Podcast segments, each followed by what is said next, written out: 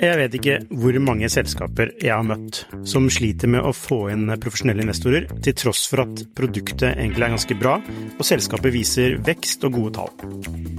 Hvis det er én ting de proffe investorene er på utkikk etter, i tillegg til at du bygger et bra selskap, selvfølgelig, er hvordan du håndterer dine aksjonærer, eller ditt såkalte cap table, som det heter på startupsk. Et ødelagt cap table setter rett og slett en stopper for selskapsutvikling. Unlisted.ai gjør det mulig for selskaper å håndtere aksje- og opsjonsprogrammer, aksjeeierboken, captable og det meste av rettigheter inn mot aksjene i selskapet på ett sted. Prøv unlisted.ai sin gratisversjon i dag.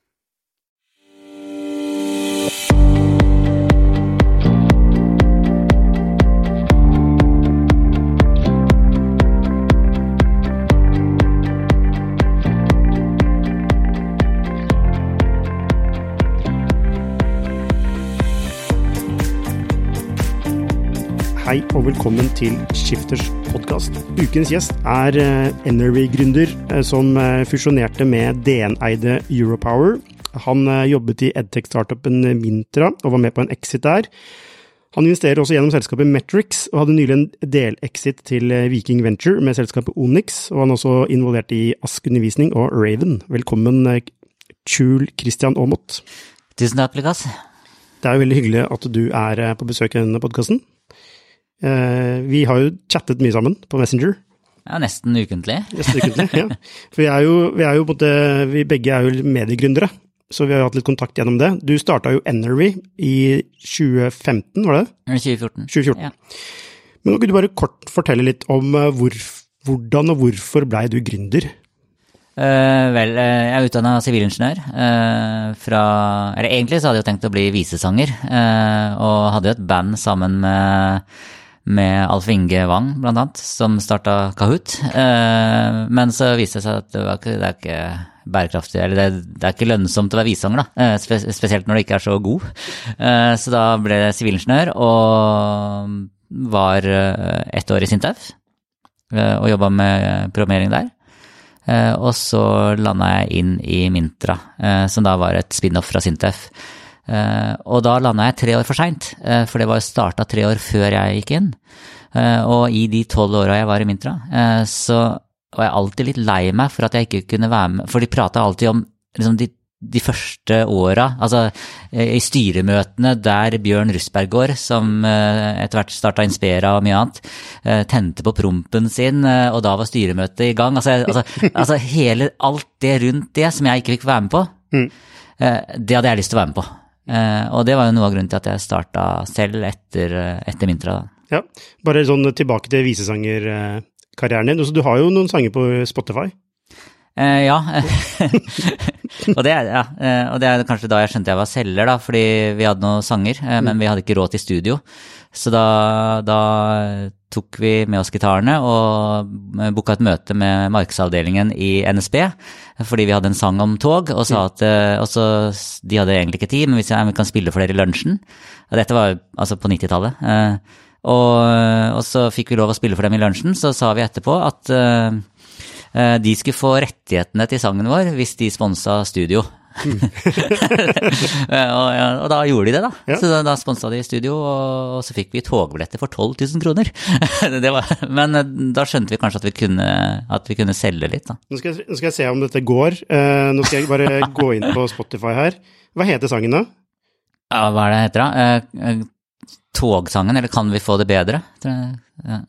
Togsang? Må, ja. Eller kan vi bare søke på navnet ditt, kanskje? Ja. Ja. Men vi måtte endre litt på teksten for at NSB skulle sponse, fordi vi sa at la oss stoppe tiden og la toget gå, men det ville de ikke.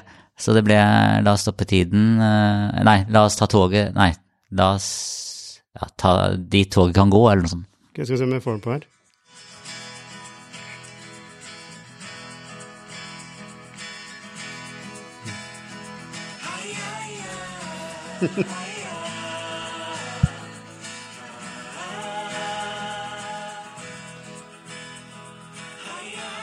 Spole litt i den der. ja, det er meg. ja, nydelig. Nydelig sang om eh, tog. Eh, og du, da fikk du sponsa av studio. Ja. Eh, og lagde dere noen låter og ga det ut? Ja, altså, vi fikk det ut på Spotify, da. Men så lever vi jo litt av at uh, fra, i det bandet der uh, Alf Inge Wang han, har jo, han er en av de som blir spilt mest på Spotify med de Kahoot-rytmene sine. De er For de ligger- For han har jo lagd de òg. Ja. så, så der slo han gjennom, men Mm. ikke, med, Ikke med ikke med meg. Nei, det er litt sånn som eh, Robbie Williams. I, hva, hvor var han var med i Take That? Nei. Ja, sånn, ja, eller jeg vet ikke. Jeg, jeg vil ikke vite. Ja, han var med sånn boyband før, Ja, jeg- så- men så ble han mye større sjæl Ja. seinere. Og så sa de 'hvorfor gjorde du ikke det når vi var sammen'? Eh, ok, så mm, du jobba i Sintef, kom inn i Mintra, Mm. eh, og du kom inn tre år for seint. Ja. så du fikk, du fikk ikke være med på den der founding-storyen, liksom? Nei, altså alt det der de prata om, om eh, hvordan de Ja, alt, alt det morsomme man gjør i starten, da. Vi var litt for seriøse når jeg kom inn. Ja, og det, det er liksom der kult... Det, der, det er en del av historien, da. Du var liksom ikke med i historien, på en måte. Nei, og alle, alle prater jo om disse 'husker du da vi gjorde det', og 'husker du da vi gjorde det', og da hele familien var med å male huset til, eh, ja, til CEO, som etter hvert ble, fordi alle, de var jo en sånn, kall det Mintra-familie. Ja. Så, så var jo veldig mye av den spiriten som jeg liksom var så lei meg for. Eller, eller, eller altså Ja, de tre åra skulle jeg gjerne vært med på. Ja. Ok, så da kommer du inn i Mintra, hva gjør du der? Eh, Da begynner jeg som eller, Bare veldig kort, hva er Mintra? Mintra eh, starta som et konsulentselskap som lagde eh, e-learning for eh, bedrifter. Og så var vi jo med å snu det etter hvert til å bli et eh, SAS-selskap som nå er globalt, og som eh, Nå er jo ikke jeg eier der, men sånn størrelsesorden. Så betalte vi utbytte på 325 millioner nå i år eh, til eierne. Så Så det er det de gjør? Ja, det er det de gjør, da. Betaler utbytte. Nei, men altså, det er blitt et stort, eh, stort globalt eh, eh, selskap, da. Ja, men e-learning, altså de, det var vel primært Var det innenfor olje... Nei, vi starta, vi starta Når jeg kom inn, så var det for alt mulig. Hadde, hadde Telenor, hadde HMS-kurs type ja, ting? HMS-kurs, alt mulig sånn du tar på nett. Eh, men så jobba vi jo med å spisse oss, så da satsa vi på der vi var best, og, og, og der det var mest penger, og det var jo da eh, på den tiden olje. Mm. Eh, så vi ble spissa rendyrka oljekursportal. Mm, Som, eh, ja, så når jeg slutta, så ble det jo da solgt ett kurs i minuttet døgnet rundt. Ja, og rundt. Og det er liksom ironisk at når man, blir, man fokuserer på færre, så går det bedre. Ja, og det er en uh, universell feil, da, at man tenker mange bekker små, eller at man skal liksom uh, brede seg ut altfor mye. Eh, Men da er, man, da er man jo i konkurranse med alle andre. Alle andre airlines-selskap, eh, hvis det gjelder Mentra. Mens når man spissa oss mot olje, så, så slapp vi å vise ting på skjerm når vi skulle selge. Da satt vi og prata om utfordringer i oljebransjen, og så signerte de. Mm. Uh, men da jobbet du med salg? Jeg starta som det som da het Key Account Manager, altså ja, selger. Ja. Uh, og så i 2006 så gikk jeg inn og fikk ansvar for salg og marked uh, i ja, en salgsdirektør. Og var vel det Men hvorfor tidligere. salg? Altså, du jobba i, som programmerer, Mm. og hvorfor går vi til salg? Jeg søkte jobb eh, som si, tradisjonell sivilingeniør, eh, og- mens jeg hadde så dårlige karakterer. Så jeg fikk jo ikke noe, kom ikke inn på noen intervjuer. eh, men så kom jeg inn på ett intervju, og da var det sånn rekrutteringsbyrå som kjørte noen tester på meg. og så sa de at de tror nok ikke at jeg vil være, egne meg i det hele tatt til det jeg søker på. Men hvis de kunne foreslå meg inn som selger, så, så vil de gjerne ha meg i databasen og, og, og, og prøve å få meg ut der, da. Så da måtte jeg gå noen runder med meg selv. Og, og, og da hadde jeg jo faktisk fått jobb som utvikler i Mintra. Eh, og så ringte jeg tilbake til uh, han Ivar Viktil, da, som starta selskapet og leda det mm, hele tiden mens jeg var der. Og sa det at nå er det noen som eh, mener at jeg ikke vil egne Jeg har fått jobben, men det er noen som mener at jeg ikke vil egne meg som, eh, som utvikler. Eh, De mener jeg bør jobbe som selger. Og da sa Ivar ja, men vil du jobbe som selger, da? Eh, Ja. Og så ble jeg selger. Ja, og hva, du sa du måtte gå noen runder med deg selv. Hvorfor det? Eh, Når du har brukt en del år på å bli sivilingeniør, og, og egentlig sett for deg hvilken jobb du skal ut i, og så tenker du kanskje at selger er jo Det er altså, det er ikke noe status rundt det, da. Eh, Jeg skulle liksom lede store prosjekter etter hvert, og liksom gjøre den type ting som sivilingeniører gjerne gjør. Eh, Men så hadde jo de, de, det rekrutteringsbyrået ganske Altså, de traff jo spikeren på hodet, da, for jeg, jeg, er sosial, jeg liker å prate med mennesker. eh, Kanskje mer stridsmart enn intelligent, liksom, så ja, da ble det sånn. Altså, du, du, snakker litt, eh, du snakker deg litt ned på intelligens, syns jeg, men, men, eh, men det er interessant at du faktisk valgte sivilingeniørstudiet. Hvorfor gjorde du egentlig det? Eh, mange grunner, eh, men pappa jobba i kirken. Og så var det et sted på veien der det ble en litt, litt sånn krise i familien. Som gjorde at uh, vi, vi, uh, vi måtte Eller pappa forlot jobben. Uh, og siden vi hadde alle vennene våre i menigheten, eller mamma og pappa, så, så mista de alle vennene sine. Og vi måtte flytte fra byen. Ja. Fordi de hadde ikke noe nettverk igjen. Og det er liksom nedsiden med, med de gode kristne miljøene, er at det kan snu seg veldig stygt. da. Ja. Eh, Så, så pappa var veldig på at jeg måtte få meg en ordentlig utdannelse. eh, Noe som, eh, som jeg kunne velge altså Der jeg kunne velge jobber selv om man kanskje møtte en krise og måtte bytte. Så jeg var mye motivert av det. Ja.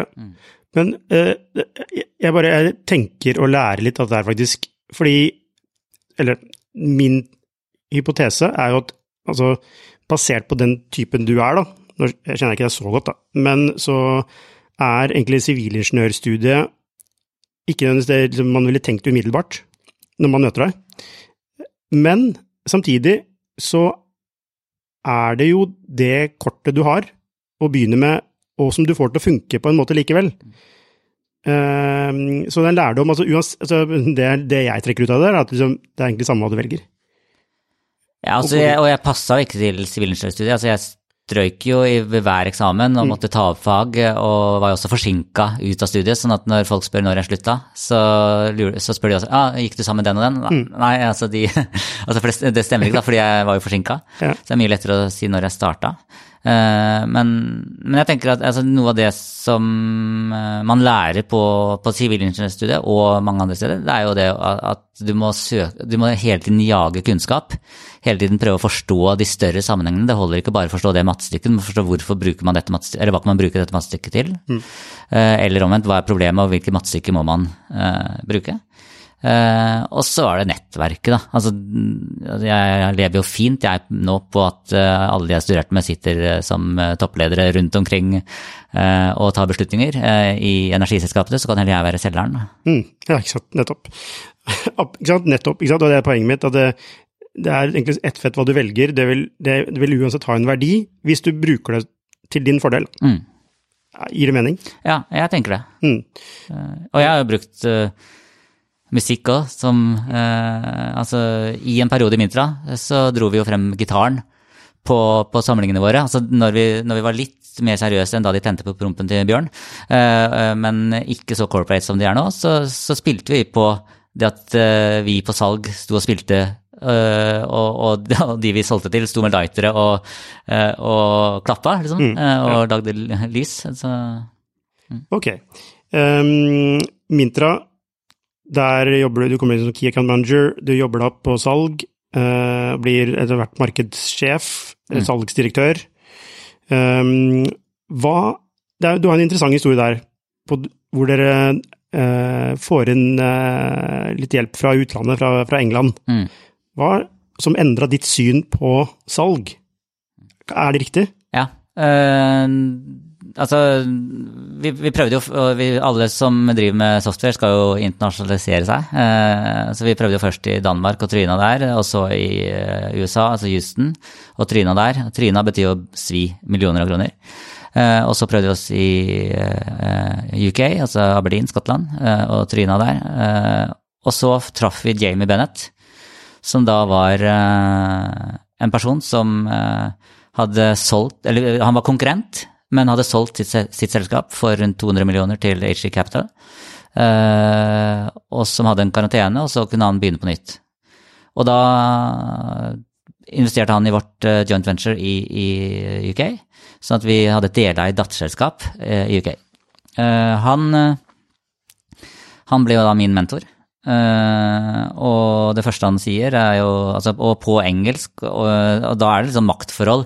Når jeg er litt dårlig på engelsk, og han bare forteller meg at jeg er skittig på strategisk salg. Eh, kanskje Norges beste Edutech-selger på taktisk salg, men, ikke, men ræva på strategisk.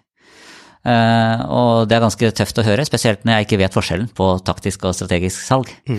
Uh, så jeg måtte jo prøve å forstå, men han brøyt meg jo kalle det helt ned, og bygde meg opp da, uh, igjen til å forstå hvordan man skulle gjøre de store dealene. Så, oss, så det han sa, var jo det at istedenfor å gå inn og spørre hei, du i Equinor, vil du kjøpe dette kurset for 300 000? så skal jeg heller gå inn og si hei, du i Equinor, eh, kan vi sette oss ned og regne litt sammen, så, så tror jeg at jeg kan spare dere for 30 millioner. Eh, og, så, og jeg trodde jo ikke at dette var mulig. Mm. Eh, men så skulle jeg bare teste det, så sendte jeg en mail til et selskap, det var ikke Equinor, men det var et, nei, til et selskap som, og sa det at hvis vi kan sitte og regne litt sammen i Excel, men jeg må treffe konsernledelsen. Og så satt vi og regna sammen, så så vi at ok, vi kan spare det selskapet for eh, rundt 27 millioner. Og, da, og, det de svarer tilbake, ja, det, og det er kanskje konservativt. Mm. Um, og da var det jo, istedenfor å selge noe til 300 000, så sa jeg ja, men da gjør vi en deal da, på 3 millioner. Uh, så sparer dere 27 millioner. Ja, men da gjør vi det. Ja. Uh, og, og, da plutselig gikk det opp et lys med at, at du skal jo ikke selge noe. Du skal, jo, du skal jo hjelpe noen. Du skal hjelpe noen med å lykkes. Ja, eh, og da, da, ble det jo de som ringte meg og lurte på ja, hvordan kan vi gjøre dette, hvordan kan vi gjøre dette. Eh, og alt koster jo. Mm. Men så lenge de sparer mer, eh, så var jo vi en hjelper. Og, og, og det var litt sånn og nå er jo dette si, omvendt, Hvis det er korrupsjon, så er det omvendt korrupsjon. Men når vi gifta oss, kona mi og jeg, så fikk jeg jo bryllupsgave fra, fra, det som nå er Offshore Norge, altså NHO-delen som har med olje å gjøre. Eh, og vanligvis er det jo vi som gir gaver til kunde, men, eh, men det må jo ha betydd at eh, store aktører syns at vi hjalp dem. Da. Og det er, det er det mindsettet som Jamie Bennett hjalp oss med. Altså, Du nevnte dette med at salg har lav status. Jeg antar at du ikke har samme syn på salg lenger? Nei, altså, altså, Det å si at man er en selger, er jo liksom Selgere er jo slitsomme. Mm. Og jeg tenker at man skal være stolt av å være selger. Og så tenker jeg at uh, det vi uh, Hvis jeg skal snakke om vårt team da, i Europol nå, så ja, selvfølgelig er vi selgere.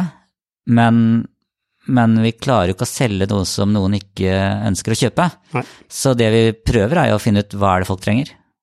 Altså hva er det som kan hjelpe dem. Og det, og det, det tror jeg at vi har knekt noen kode på. Ikke alle. Altså, Ville du investert i en gründer som ser ned på selgere? nei. nei. altså, altså, er ikke gründer først og fremst en selger?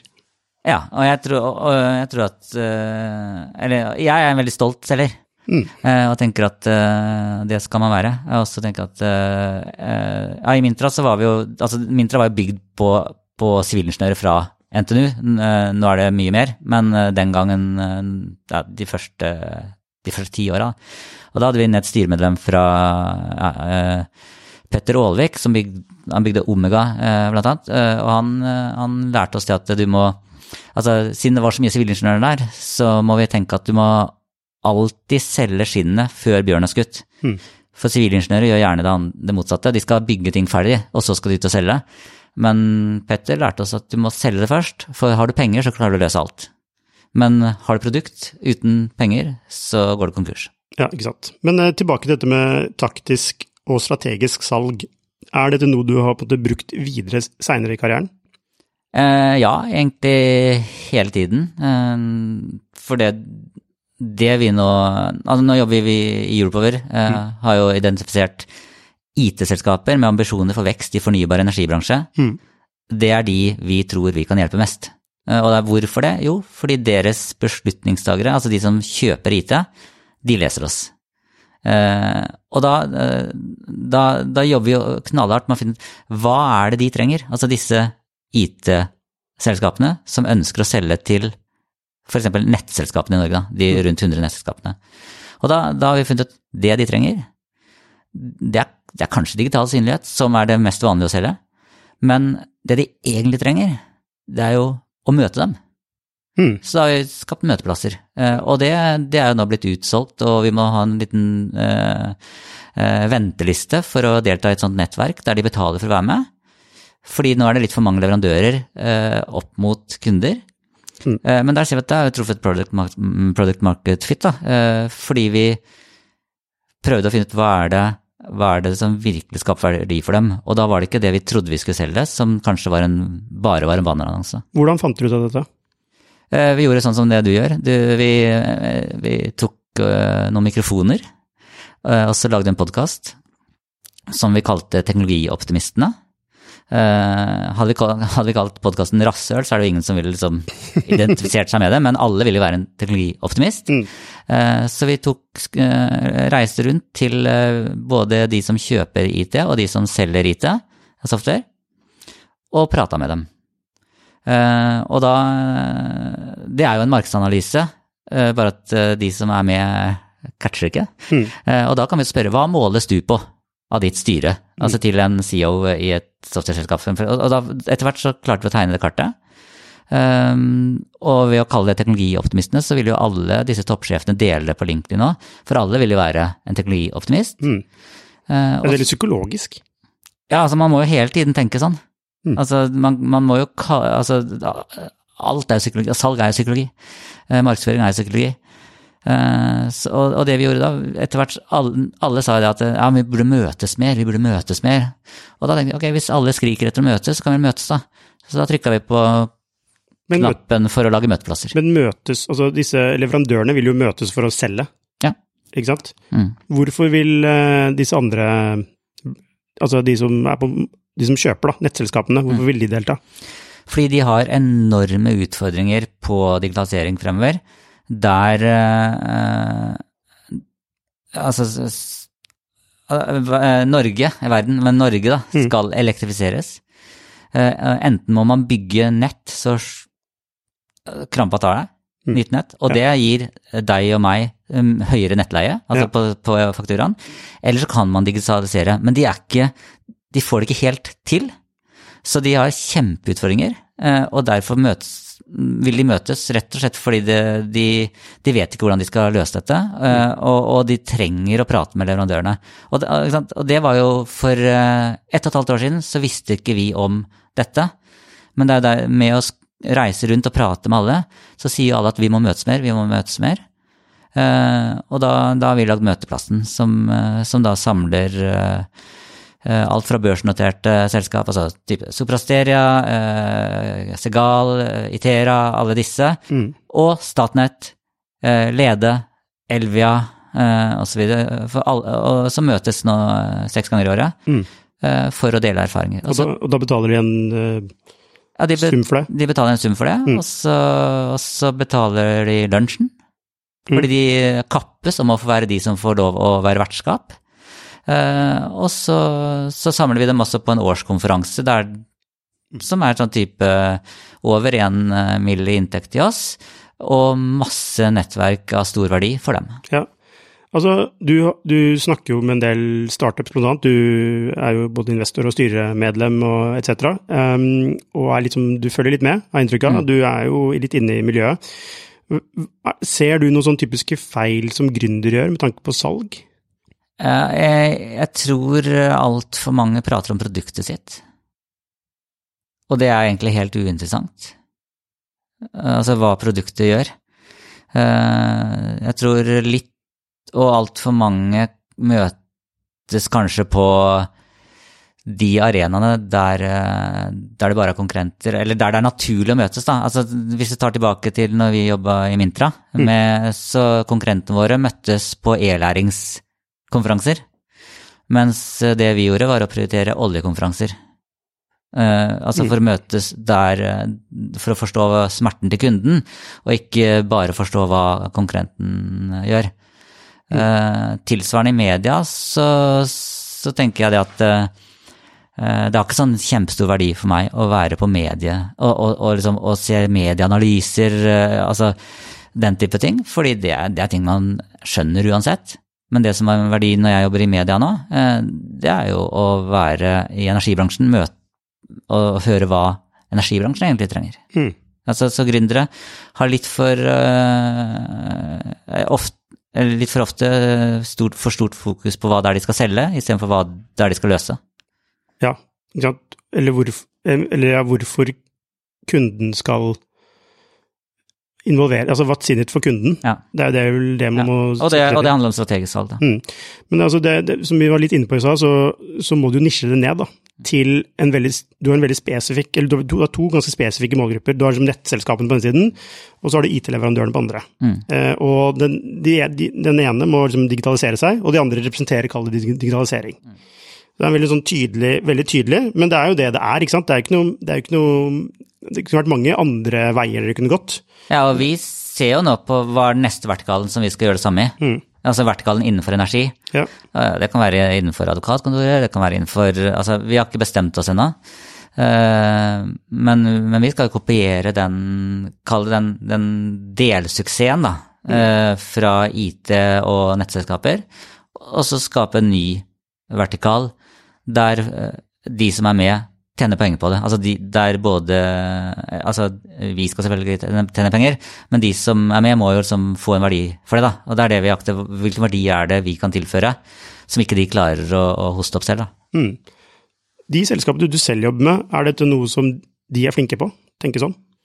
Ja, eller tenker du der jeg har investert? Ja. ja altså nå, nå Hvis du tar Onyx, da, eh, som nå fikk vi jo inn Viking Venture der. Eh, Der sitter jeg jo i styret og, og har investert gjennom Metrix. Og, og dere i, i Skifter skrev jo om det. De, eh, Viking Venture investerer 80 millioner i Onyx. Og noe av det som det da typisk jobbes med, jobbes med, er jo å finne ut hvilke, hvilke vertikaler er det de kan tilføre størst verdi. Mm. Eh, og så må det kobles opp mot eh, betalingsvilje og skalerbarhet, og kan dette også løftes ut av Norge, osv. Men det er, det er en øvelse som er egentlig eh, helt generell. Mm. Men det er jo ikke alle som gjør den. Nei. Hvorfor ikke? Jeg tror altfor mange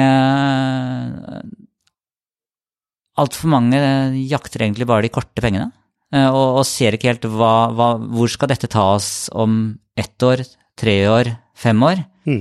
Uh, det, man, altså, man, noen må jo bare jakte altså, man, man må jo jakte det også. Det er ikke sånn man ikke kan bare Man kan ikke bare tenke langsiktig. Nei, og, og, og det er jo det som er krevende, Uh, fordi man har jo ikke råd til Med mindre man får sprøyta inn masse, masse penger, da, Mm. så har man jo egentlig ikke råd til å tenke eller å jobbe så strategisk som man bør gjøre. Mm. Men altså, jeg har inntrykk av at du er litt sånn ah, Det irriterer meg at du er så jævlig smart på greiene der, fordi altså du, som du sier da Jeg er ikke så smart, vet du. Lat altså fordi altså, det er altså jeg er 100% glad på dine vegne, altså. Jeg ikke, irriterer meg ikke. Men det bare irriterer meg, hvorfor, ikke- hvorfor tenker ikke jeg sånn? Uh, og bare det, det, det at du tenker sånn, den derre at du gjør en research gjennom podkast, hvor du uansett da lager et produkt Mm. som Altså, altså du kaller det du får betalt for å gjøre research, da. Ja. I anførselstegn. Ja. Altså, det er bare sånn der, det er, så, det er så alltid sånn flere dimensjoner til det du Når du gjør en ting, så er det sånn tre andre dimensjoner som jeg ikke ser. Og som er sånn Å, når du forteller det, det er åpenbart. Så du har ikke skjønt at når jeg sitter her hos deg nå, så er det egentlig for å løfte fram Teknologioptimistene, som er min egen podkast? Søren òg. Eh, jo da, jo da. Og det er litt sånn, det er, tenker jeg det. er. Neida. Så det er litt av, men Neida, men jeg, har, jeg, jeg har jo en sånn eh, policy da, på denne podkasten at de som spør om å få være med, får ikke være med. Så jeg må spørre. jeg vet ikke om du har spurt før, jeg. men eh, det, nå spurte jeg. nå Spurte spurte deg. Ja. Eh, og det er nettopp fordi at alle har en annen agenda. Så jeg liker å spørre folk som Altså, de alle har en grunn til at de gidder å være med, eh, selvfølgelig, men, men, eh, men, men det, altså, og agendaer, sånn er det. Og det er egentlig bare å skjønne at sånn er verden. Alle har en agenda, alle har en egeninteresse, alle har en, et insentiv for et eller annet. Men der er det litt sånn, hvis vi skal gi noe råd til gründere da, som lytter, eh, så er det sånn Den agendaen du har, den må gagne eh, de rundt deg òg. Mm. For ellers så funker det ikke. For ellers så blir du bare en sånn skal ha, skal ha, som Odd Børresen sang om. Eh, skri- hvordan, gi et eksempel på det. Nei, Altså, eh, la oss ta oss to, da. Eh, Du jobber jo i, i Store Stygge Eller dere er eid av Store Stygge eh, Skifsted. Store, flotte skifte, som du sa. Mens, mens eh, vi er jo hov, Hovedeieren vår er jo konkurrenten eh, DN Media Group. Eh, Da tenker jeg, eh, eh, hvordan kan jeg hjelpe deg? Du er jo egentlig, altså i det store bildet, eh, konkurrent. Men jeg tenker at jeg kan jo hjelpe deg på mange måter, ved f.eks. at inn i denne den, Jeg vet ikke hvor mange selskaper jeg har møtt som sliter med å få inn profesjonelle investorer, til tross for at produktet egentlig er ganske bra, og selskapet viser vekst og gode tall. Hvis det er én ting de proffe investorene er på utkikk etter, i tillegg til at du bygger et bra selskap selvfølgelig, er hvordan du håndterer dine aksjonærer, eller ditt såkalte cap table, som det heter på startupsk. Et ødelagt captable setter rett og slett en stopper for selskapsutvikling. Unlisted.ai gjør det mulig for selskaper å håndtere aksje- og opsjonsprogrammer, aksjeeierboken, captable og det meste av rettigheter inn mot aksjene i selskapet på ett sted.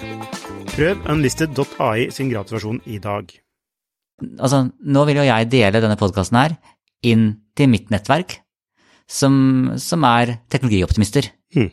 Eh, mange av de eh, annonsørene våre, eller de, de som betaler oss, eh, bør jo lese skifter, selv om dere er eid av store stygge skifter, eh, og annonsere hos dere. Og så kan du tenke, ok, eh, hvis det da hvis, eh, hvis en av våre annonsører da har 100 000 og skal annonsere for, og så, ok, hvis de putter 50 000 av de hos deg, istedenfor Eller hos den kommersielle delen hos dere, da, Mm. eh, så mister jo vi 50 000. Ja. Men på andre siden, hvis du opplever at, eh, at dere får flere annonsører ved å, å være i, nærheten av meg og Europower, så vil jo du hjelpe oss neste gang. Og du hjelper jo oss akkurat nå eh, ved å spille inn en podkast, sånn at jeg har fått lurt inn ordet teknologioptimist. Det blir mange lag. Ja, men, altså, men det er jo Ja. sånn det funker. Mm. Eh, og, Men det, det er jo altså, jeg har også inntrykk av det av deg at du er veldig sånn pay it forward. Du tenker veldig langsiktig. Relasjonsbygging. Eh, og du deler mye. Eh, ja, men, altså, men det er jo sånn det funker. Altså, eh, for eksempel med gründere.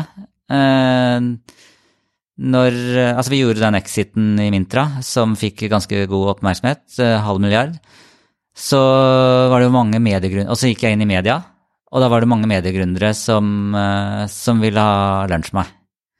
Eh, fordi man får jo da Altså, ikke fordi jeg kunne så mye om media, men man får liksom en sånn rolle, da. eh, som de gjerne vil liksom identifisere Eller møte. Mm. Rollefigur. Og jeg tok jo alle de lunsjene, og betalte for lunsjene. Fordi vi var jo litt lenger fremme, vi hadde jo henta penger i Energy osv. Uh, selvfølgelig gjør jeg det, for jeg vet jo det at mange av de vil mislykkes. Men de er flinke. Og de vil lande som, kom, eh, som kommunikasjonsdirektører eh, eh, hos annonsørene. Ja. Og det skjedde. ja, Og nå sitter, jo, eh, nå sitter jo disse og takker meg for at jeg tok lunsj med dem da de prøvde seg i gründerverden. Så sa de nei, det var ikke noe for oss, eller for meg. Men eh, nå sitter de på annonsekronene. Eh, og altså, sånt kan ta eh, tre eh, dager, sånt kan ta tre år.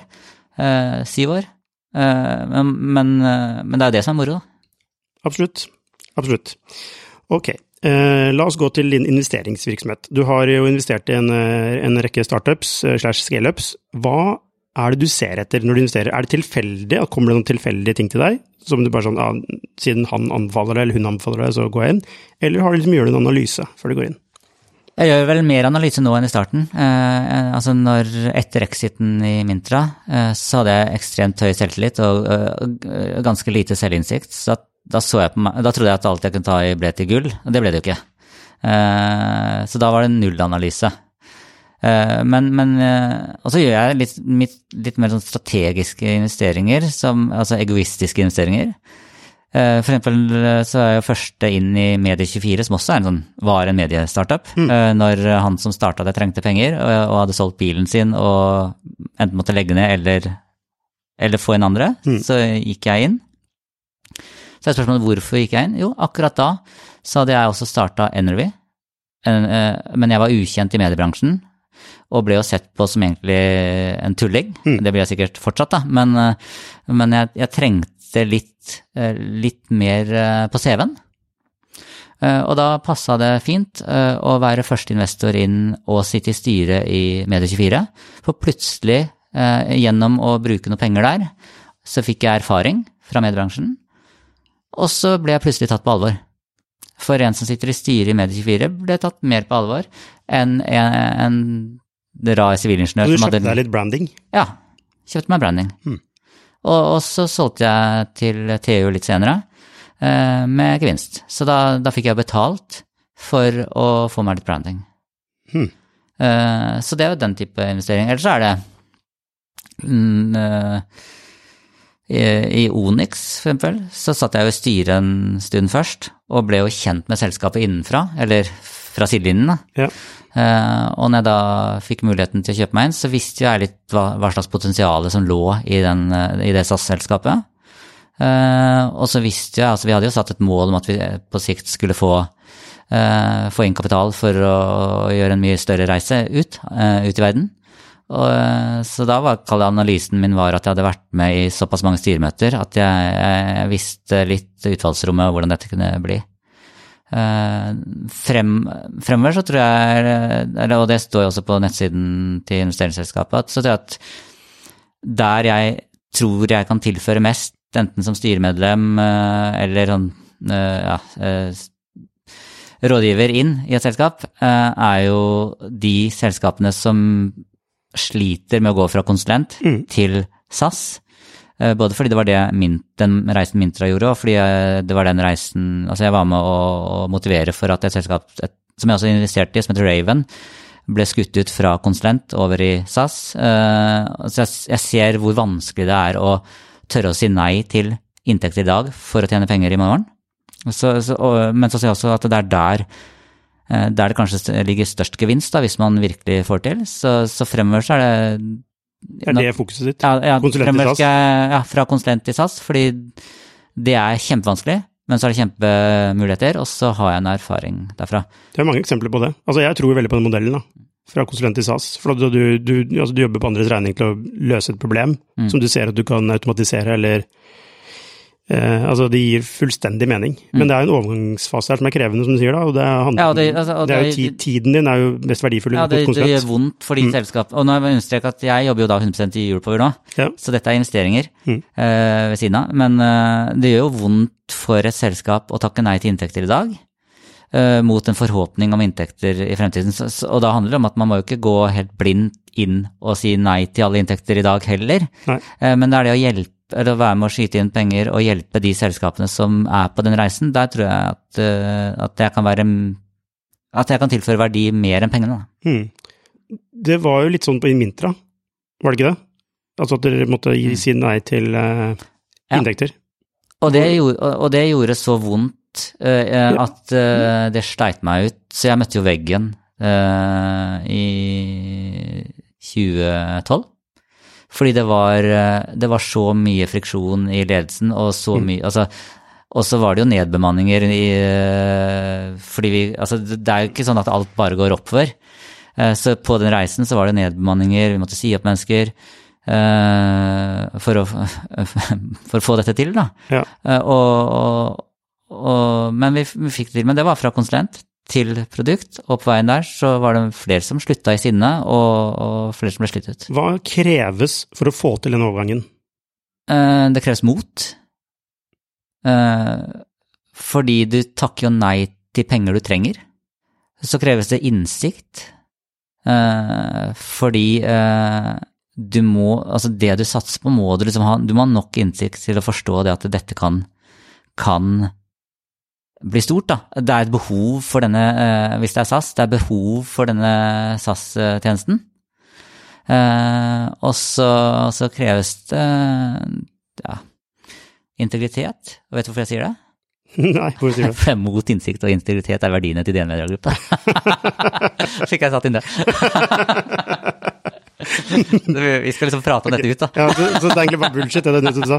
Altså, jeg er med på mot i hvert fall. Eh, Og det, fordi det, altså, jeg tenker jo det er nøkkel... Ja, nei, men det, det kreves jo mot. ikke sant? Du må jo være litt eh, idiot må- for å takke nei til inntekter i dag. eh, Og det, ikke sant? og det må være mot fra toppen. Mm. Altså toppsjefen. Og, og det er jo det som er utfordringen med altså overgangen Altså disse store overgangene som vi står overfor nå, da, Mm. eh, er jo nettopp det. Det mangler, føler jeg, da, jeg mener at det, det mangler mye mot blant norske toppledere i dag.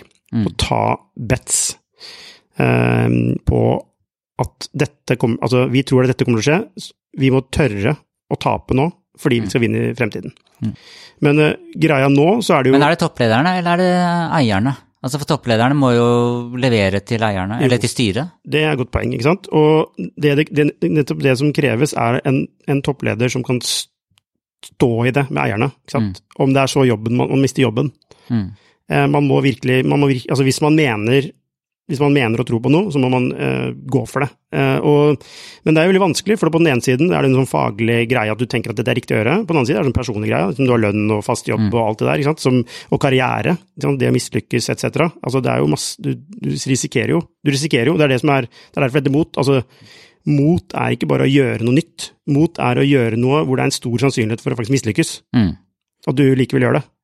Er du ikke enig? Ja, og så er, så er risiko eh, Altså, man tar jo en risiko ved ikke å gjøre noe. Ja. Altså, man eh, Og veldig ofte i sånne powerpointer som blir PDF-er, da, eh, eh, som sendes ut til styrer eller hvor det er, så, så prater man om risikoen ved å gjøre noe. Mm.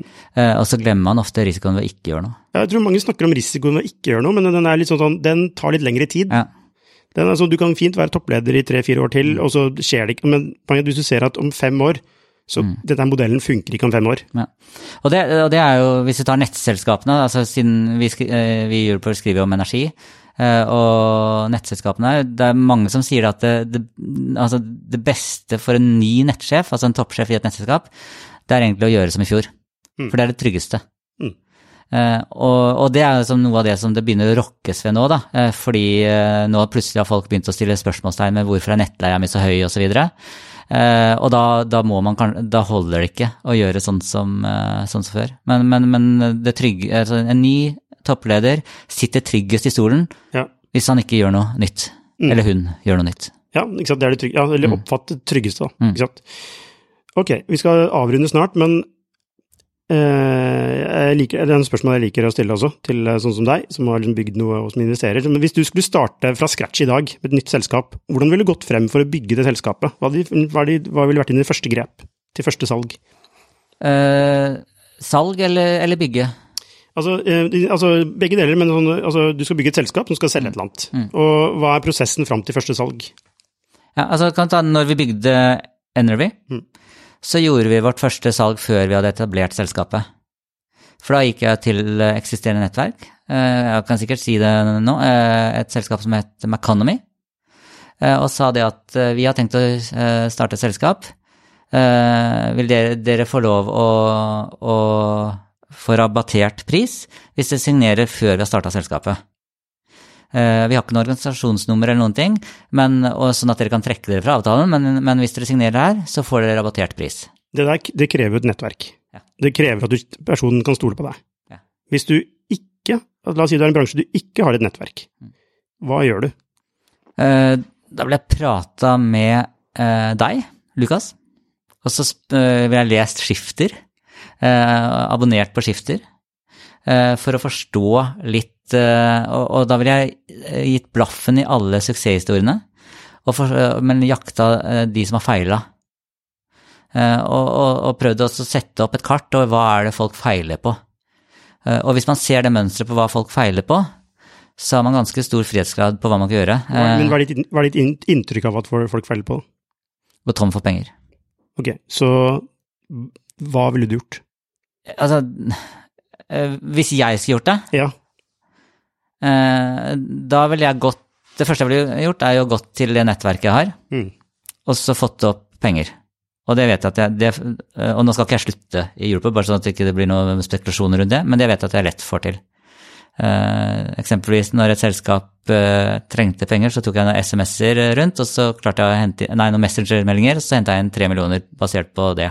Så det, det vet jeg at det ville jeg fått til, hvis ideen er enkelt å forklare. ok, nå, nå nærmer vi oss noe, fordi at eh, altså, en ting er nettverk, ikke sant? Mm. Det er sånn, det er sånn juksepower man har, eh, eller det har du klart å bygge opp da, som er en sånn, den vil hjelpe deg resten av livet, med alt mulig rart. Eh, og så er det noen eh, selskaper som sliter litt, litt med det, ikke sant? de har ikke nettverk og skal sånn, etablere noe. Hva, og, og du, det, det var det siste du sa, du nevnte, eh, åh, glemte jeg det. Nei, altså, det, det er jo å hente penger. Eh, det var vel det siste jeg sa, var det ikke det? Nå må du spole tilbake. Ja, men du sa et eller annet som jeg syntes var interessant nå. Åh, nå fikk jeg fullstendig jernteppe her. Eh, ok, nei, men du, du Hvis du ikke har nettverk, Mm. hva gjør du? Hva er liksom første steg? Det er jo et veldig vanskelig, eller det er et veldig vanskelig spørsmål. Som det er litt sånn, eller det er, jo, det, det er jo tull å bare si noe uten at det er gjennomtenkt. Mm. men, men sant, jeg, det jeg ville gjort, er jo å hente penger. Og så ville jeg uh, gått reist rundt og bedt om møter med, uh, med de som trenger tjenesten. Og så kanskje ikke forklart hva det er vi har som produkt, men heller spurt hva er det de har som problem. Og så vil jeg En eller annen random industri, eller ville du fokusert at én liksom gjort deg opp en mening om hva du burde gått inn i? Sånn som jeg, jeg ville, jeg, Hvis jeg skulle starta noe nå, så ville ja. jeg gått veldig, veldig spist okay. inn i en industri og løst en bitte liten oppgave der. Ja. Hmm. Og noen svarer at de vil liksom først og fremst fått med seg noen co-founders, men det er ikke viktig for deg? Nei, altså hvis jeg et eller annet sted i fremtiden, hvis jeg skal starte noe nytt, mm. så, så, er ikke det kjempeviktig. Eh, og det er noen store fordeler ved å ikke ha inn andre eiere òg, mm. i starten. Eh, men det er jo kanskje fordi at jeg har dette nettverket som jeg kan liksom bruke veldig aktivt. Da jeg vet at jeg kan aktivere eh, både mennesker med penger og mennesker med kunnskap, mennesker med nettverk jeg ikke har. Altså fordi jeg stoler på dem, og de stoler på meg. Mm. Uh, så, så, jeg, så, jeg, klarer liksom ikke helt å gi det gode svaret. Jo, jeg syns det er et godt svar, fordi at ja. det, du, det du ville gjort, da, var å identifisere hvilket problem skal jeg løse. Hvilket spesifikt problem skal jeg løse. Uh, jeg tror du kanskje til og med ville solgt løsningen før du hadde begynt å bygge den. Har du solgt den, så er det jo mye lettere å gå og hente penger. Ja. Ikke sant? Da har du noe. Altså, veldig mange skal hente penger på noe i en PowerPoint, og det kan de gjøre hvis de har grunna ting tidligere. Eh, men hvis du ikke har gjort noe feil, så må du må ha noen bevispunkter, da, som en investor. Ja.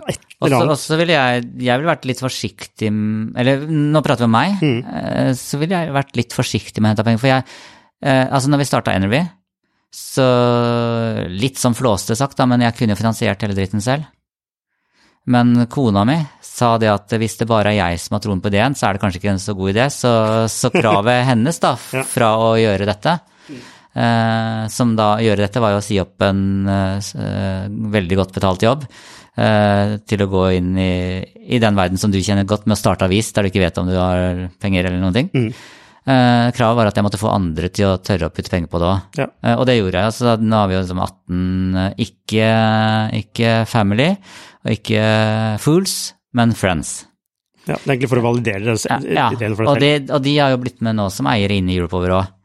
Eh, og, og, det er jo ganske slitsomt å, og, Eller det å kjenne på det at du må levere tilbake til de som har trodd på deg. Mm.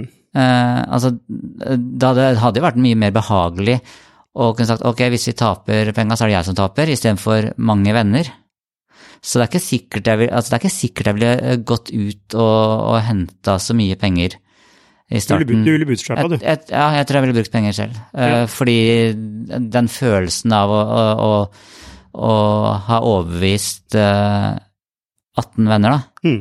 til å putte penger på noe eh, For vi har jo ikke, det har ikke bare gått opp for, å si det sånn. Vi har hatt flere emisjoner. Ja, det, er det, det, det, er, det, er ganske krevende. Så din validering ville egentlig vært hos kunden? Kjøpe kundeproduktet, eller ikke? Mm. Ja.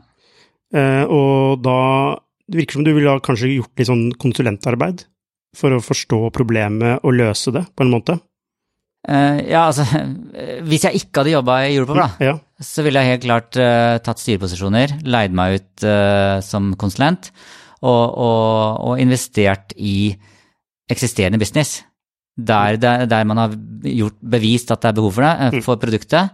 De har ikke klart å få det til, og så ville jeg gått inn der. Og det er noe av grunnen til at, eller for, for der tror jeg jeg kan tilføre noe. Mm. Eh, jeg vil jo ikke starte noe selv igjen, eh, for det er, det er så slitsomt. Mm. Eh, og det er så, det er så Altså, når du har gjort det, og, og vet hvordan det er å Altså, det var en periode altså Anders, veldig god venn av meg som jeg jobba sammen med, som nå er Eh, blitt konkurrent, eh, god konkurrent i Watch. Mm. Eh, det var jo en gang vi ikke hadde lønn til Anders, mm.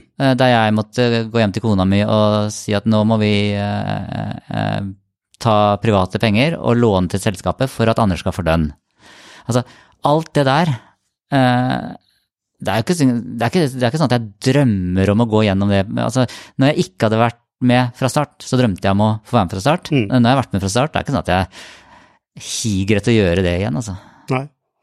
Nei, jeg skjønner det. Jeg skjønner hva du mener. Eh, Ja, du skjønner vel virkelig hva jeg mener? Ja, ja, absolutt. Absolutt. Ja, ja, ja, ja. Det, altså, det er ikke noe sånn eh, prøver, Jeg jeg prøver å anbefale folk å ikke bli gründer. Altså, så du må liksom virkelig ville det du skal gjøre for å bli gründer.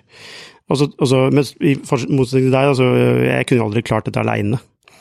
Altså, så, ikke sant, Per Ivar var helt essensiell. Ja, men skulle- vi klarte jo ikke Energy alene. Anders var jo kritisk uh, Ja. der, og så var jo Hilde uh, ekstremt viktig. Mm. Og før det uh, så var det jo liksom Per Tore og Kristine. Altså, det har vært en reise, og helt i starten var Magne, liksom, så det var jo ikke det var ikke meg alene, men jeg, det er ikke sikkert jeg vil rigge opp noe stort igjen, altså. Det, for det er veldig slitsomt. Mm, jeg synes det er sånn. så, men så er planen din eh, å investere mer? Styre, altså den type ting?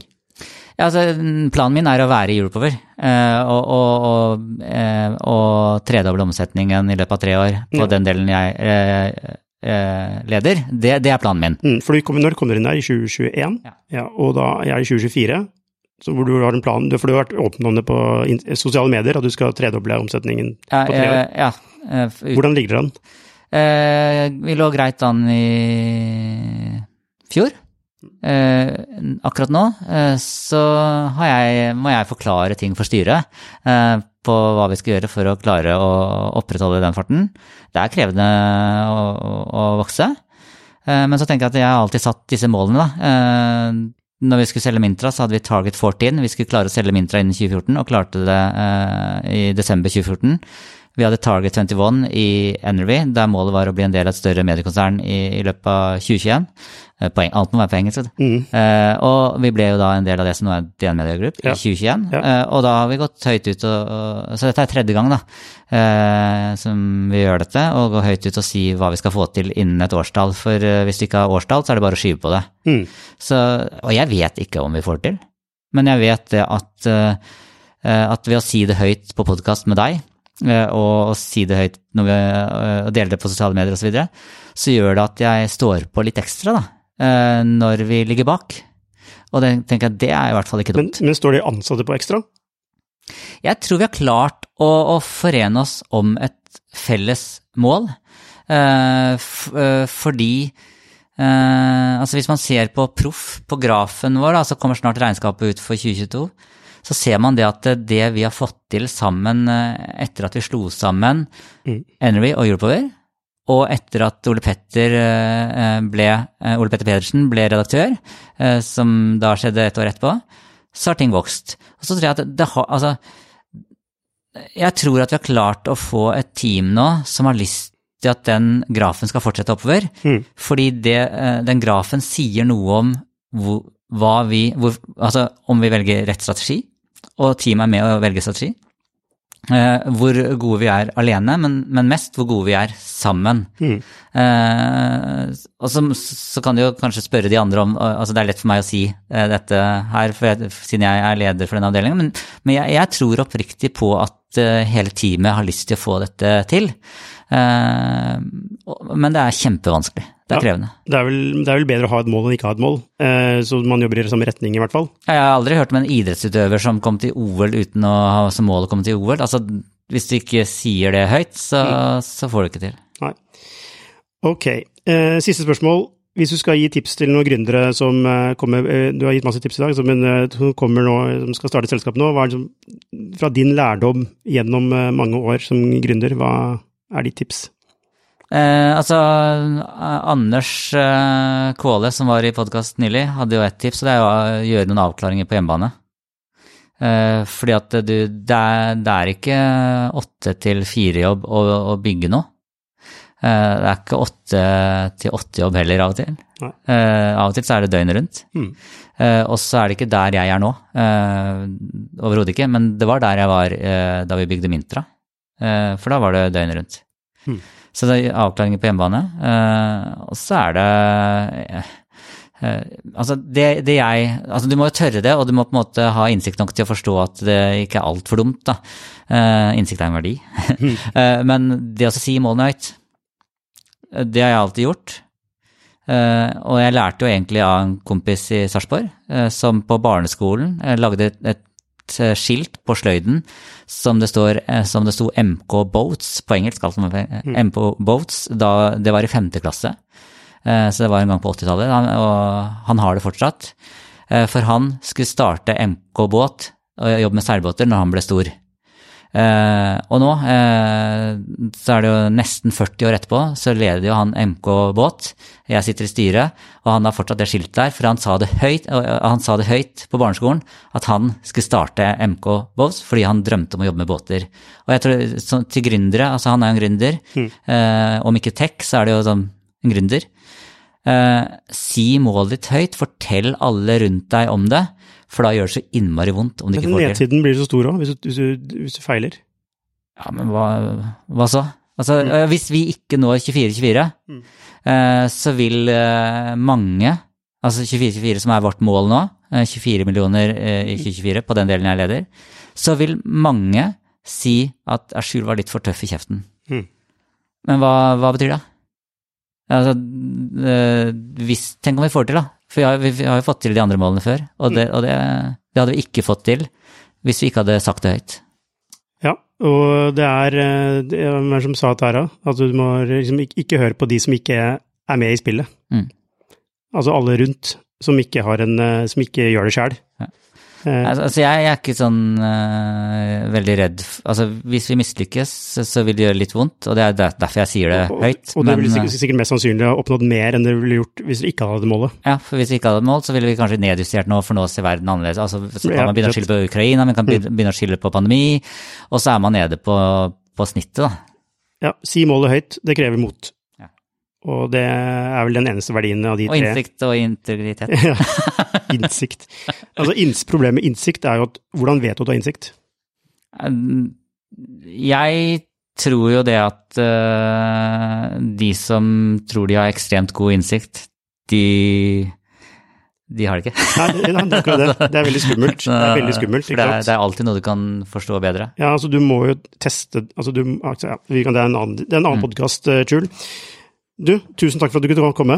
Eh, som alltid veldig hyggelig å snakke med deg. Det er forskjellig vi ses fysisk, så det er veldig ekstra hyggelig. Eh, og så ønsker jeg deg bare masse lykke til videre i Europower, og ikke minst eh, Men jeg har et spørsmål til deg. Hvor mye mye fikk dere for eh, Hvor mye betalte dere skiftet? Hvor mye betalte skiftet? Det kan jeg Åh.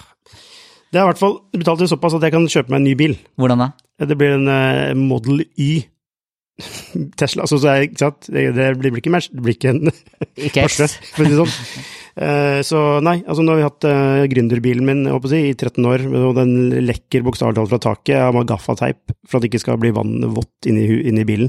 Så, så det lovte jeg familien. Og så er det en eh, på avtalen deres? Schibsted kjøper 51% av selskapet nå, og så er det en, eh, en, eh, en path to eh, eh, fullstendig oppkjøp. Hva gjør du når du har solgt alt, da? Når jeg har solgt alt, så håper jeg at jeg har det så gøy at jeg kan jobbe videre i skipste, Skifter. Eh, fordi uansett så er jo Skifter noe vi har skapt, og jeg blir ekstremt stolt av at den merkevaren eh, når stadig flere. Så hvis jeg kan få lov til det, og hvis jeg fortsatt trives og det funker altså For nå går vi inn, i en corporate setting, mye usikkerhet knyttet til det. Nå er vi, jeg tror vi er veldig heldige med de folka vi jobber med. Altså Sara Sørheim er gull, som blir ny styreleder i, i eh, Skifter. Eh, og vi kjenner jo Skipsted fra før. Som er, vi, er veldig, vi er trygge på det, men samtidig, en corporate er en corporate, og det er et stort selskap som har, alltid har sine interesser. Uh, så vi, uh, vi er superpositive. Mer energi enn noensinne, egentlig. Faktisk, ak akkurat nå, for nå får vi jo kraft, ikke sant. Men, uh, men samtidig, det er jo sånn. Så jeg, jeg håper at jeg syns det er så kult at jeg fortsatt jobber i Skifter. Dere er i hvert fall eh, Selv om dere er i det store styggerskiftet, da, så, Ja, altså, så, dere, så, så er, dere, er dere en så bra merkevare at jeg eh, Jeg betaler jo for å lese dere. Privat. Jo, takk. det, det, det, det må du selvfølgelig si, ellers blir sjefen eh, Ja, ellers tror jeg at jeg fører. Men du, vi må avrunde. Tusen takk for at du kunne komme. Masse lykke til videre, Chul. Takk, Limane. Hei, hvis du likte denne episoden, så abonner på den, og gi den gjerne en femstjerners rating med dine tanker. Hvis du er interessert i temaene vi tar opp på denne podkasten, så anbefaler jeg deg å gå inn på skifter.no, og hvis du mener vi fortjener det, så kan du gjerne støtte oss ved å abonnere på Skifter. Takk for at du hørte på, så ses vi neste uke.